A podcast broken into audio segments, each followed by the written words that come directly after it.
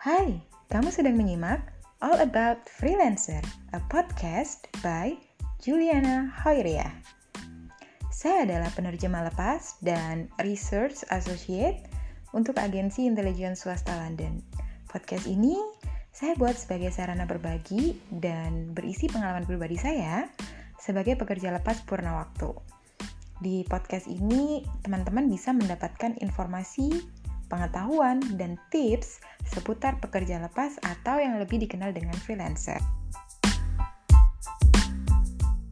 Ketika teman-teman saya bertanya, Julie, kamu kerja di mana sih sekarang? Gitu kan. Lalu saya jawab, saya kerja di rumah. Mereka pasti berpikiran bahwa, oh Julie udah nikah ya, jadi ibu rumah tangga sekarang. Kalau nggak gitu mereka pasti kiranya, oh kamu jualan online. Oh buka toko, seperti itu. Padahal dunia kan tidak sesempit itu ya teman-teman. Dan ketika saya menjawab, oh saya freelancer, saya kerja di rumah gitu kan.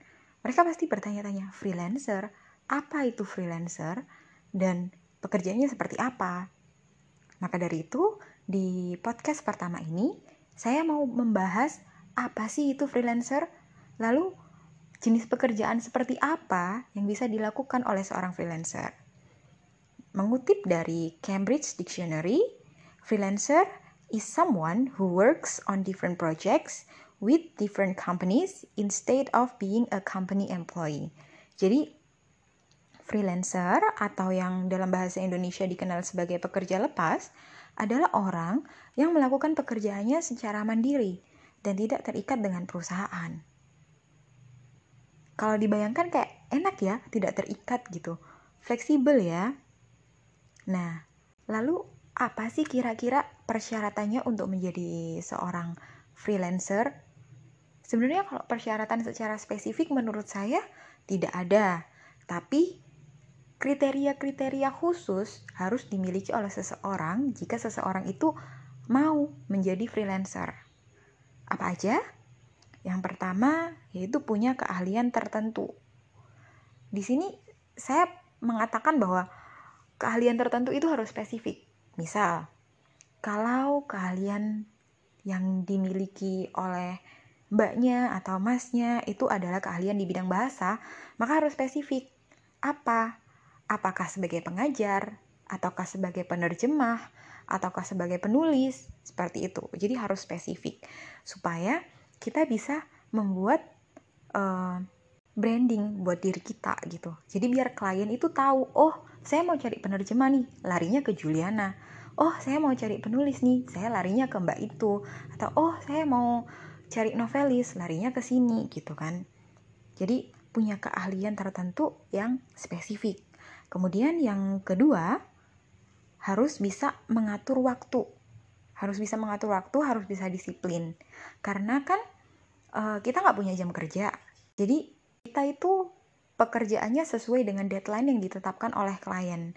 Jadi jangan sampai karena deadline-nya panjang, kita nggak memikirkan untuk mengerjakan itu sedikit demi sedikit, kita leye-leye, enak-enak, kemudian uh, ketika kurang satu atau dua hari kita kerjanya cepet-cepet jangan seperti itu. Jadi harus disiplin. Mungkin kita harus menjadwalkan uh, kapan kita akan mulai kerja dan kapan kita saatnya untuk koreksi ulang dan lain sebagainya. Seperti itu. Kemudian yang ketiga seorang freelancer itu harus seorang pekerja keras. Kenapa? Karena kita kan langsung berhubungan dengan klien. Pekerjaan itu kita kerjakan dengan tanggung jawab kita secara penuh. Jadi kita harus bekerja secara maksimal supaya klien itu tidak berhenti di satu proyek saja. Kalau misalkan di kantor nih, kita kerja, nanti kan masih bisa diperiksa sama supervisor sebelum dikasihkan ke bos atau mungkin kita uh, bisa minta tolong ke teman satu departemen kita untuk membantu dan lain sebagainya. Tapi kalau kita sebagai freelancer itu kita langsung berhubungan dengan klien. Kebanyakan kita langsung berhubungan dengan klien. Jadi kita benar-benar harus bekerja dengan maksimal agar si klien ini nggak kapok. Dan di poin keempat, seorang freelancer harus bisa marketing. Jadi marketing ini bisa dilakukan dengan berbagai cara. Minimal punya sosial media lah, biar uh, teman-teman semua bisa mendeskripsikan apa sih keahlian teman-teman, kemudian apa sih yang ditawarkan gitu kan. Bisa dilakukan dengan macam-macam, misalnya membuat akun di portal-portal freelancer seperti freelancer.com, seribulancer.com, dan lain sebagainya. Atau bisa membuat profile LinkedIn, profile yang profesional di LinkedIn. Nanti akan saya bahas lebih lanjut mengenai ini di podcast selanjutnya. Jadi apalagi kalau yang freelancer yang masih baru ya, itu harus benar-benar berusaha untuk mempromosikan dirinya sendiri gitu. Jadi bisa dilakukan dari mana saja sosial media atau di portal-portal uh, freelancer dan bisa juga ke teman-teman dari mulut ke mulut seperti itu. Nah, untuk marketing ini saya menyarankan agar teman-teman membuat portofolio untuk ditawarkan ke klien. Jadi, ketika teman-teman melamar untuk sebuah project, lebih baik teman-teman menyisipkan portofolio atau hasil kerja teman-teman yang sudah pernah dikerjakan. Tapi kalau misalkan memang belum pernah kerja di bidang itu sama sekali, mungkin teman-teman bisa misalkan untuk penerjemah bisa menerjemahkan majalah dulu atau teks-teks yang bisa didapatkan dari Google seperti itu. Dan kalau yang desain mungkin bisalah mencoba untuk desain-desain logo dan lain sebagainya. Sesuaikan saja dengan uh, profesi freelance apa yang teman-teman ingin lakukan. Yang kelima, harus punya keinginan untuk terus belajar. Kenapa? Karena kan e, di dunia freelance ini satu saingannya banyak dan ini terbuka untuk siapa saja. Bener-bener nggak ada batasan gitu loh. Kalau kita nggak mau terus-terusan belajar, nanti kita pasti akan tertinggal. Dan yang kedua, karena kita kan kerja sesuai dengan proyek. Belum tentu loh, proyek yang sama itu akan kita dapatkan secara terus-menerus. Biasanya sih kebanyakan proyek satu dan proyek yang lainnya itu berbeda. Jadi kita beneran harus berkeinginan untuk belajar. Dan kalau misalkan teman-teman nih ada waktu luang ketika proyeknya lagi nggak banyak gitu, bisa loh teman-teman manfaatkan untuk membuat portofolio. Jadi nanti ketika teman-teman mau marketing, bahannya sudah ada. Yang terakhir, yang paling penting bagi saya, menurut saya paling penting nih untuk teman-teman yang freelancer, yaitu pandai mengelola keuangan. Kalau saya biasanya menghitung penghasilan rata-rata saya setiap bulannya. Jadi misal nih, penghasilan saya berkisar antara 10 sampai 15 juta. Maka saya akan mengambil nominal terendah yaitu 10 juta dan dari 10 juta itu saya akan membuat alokasi pengeluaran dan tabungan.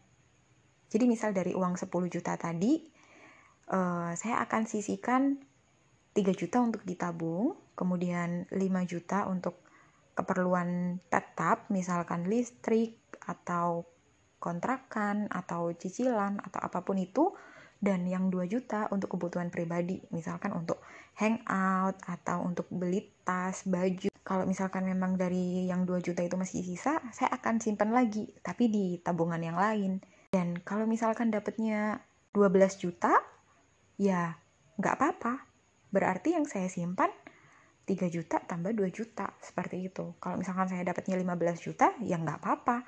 Berarti saya simpannya 3 juta tambah 5 juta seperti itu.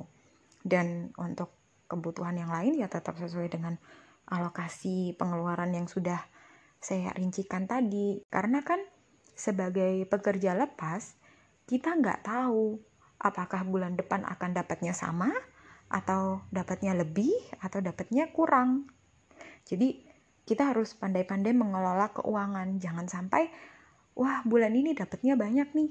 Ya udah deh, saya habis-habiskan aja gitu. Ntar bulan depan juga dapat banyak lagi gitu. Belum tentu gitu kan. Memang benar-benar harus hati-hati dan pandai-pandai untuk mengelola keuangan. Sampai di sini kira-kira teman-teman tertarik nggak? Atau merasa wah cocok nih saya jadi uh, freelancer gitu kan? Nah, apa aja sih pilihan pekerjaan yang bisa dikerjakan seorang freelancer ini? Banyak sekali. lebih kalau hanya 50 aja. Lebih dari 50. Misalkan ada beberapa nih yang saya tahu ya, yaitu konsultan bisnis, research associate seperti yang saya lakukan sekarang, translator saya juga melakukannya, ada interpreter, ada pekerja data entry, ada desainer grafis, ada voice over, web designer, digital marketer, dan ada juga yang lebih spesifik itu uh, Facebook marketer, ada penulis konten, ada foto editor, ada copywriter, novelis, transcriptionist, subtitler, ada tour guide, jurnalis, influencer, dan juga ada leksikografer dan masih banyak banyak banyak lagi yang lainnya. Jadi nanti teman-teman bisa sesuaikan mana sih yang kira-kira sesuai gitu dengan kemampuan teman-teman dan minatnya teman-teman sekalian. Gimana? Tertarik jadi freelancer? Mau tahu lebih banyak? Yuk kirimkan pertanyaan kamu melalui komentar atau DM ke Instagram saya di @jhoiria dan bisa juga melalui email ke jhoiria.translator@gmail.com. Saya tunggu pertanyaan dari teman-teman untuk bisa saya bahas di podcast selanjutnya. Dan terima kasih sekali, terima kasih banyak sudah menyimak podcast ini. Sampai jumpa.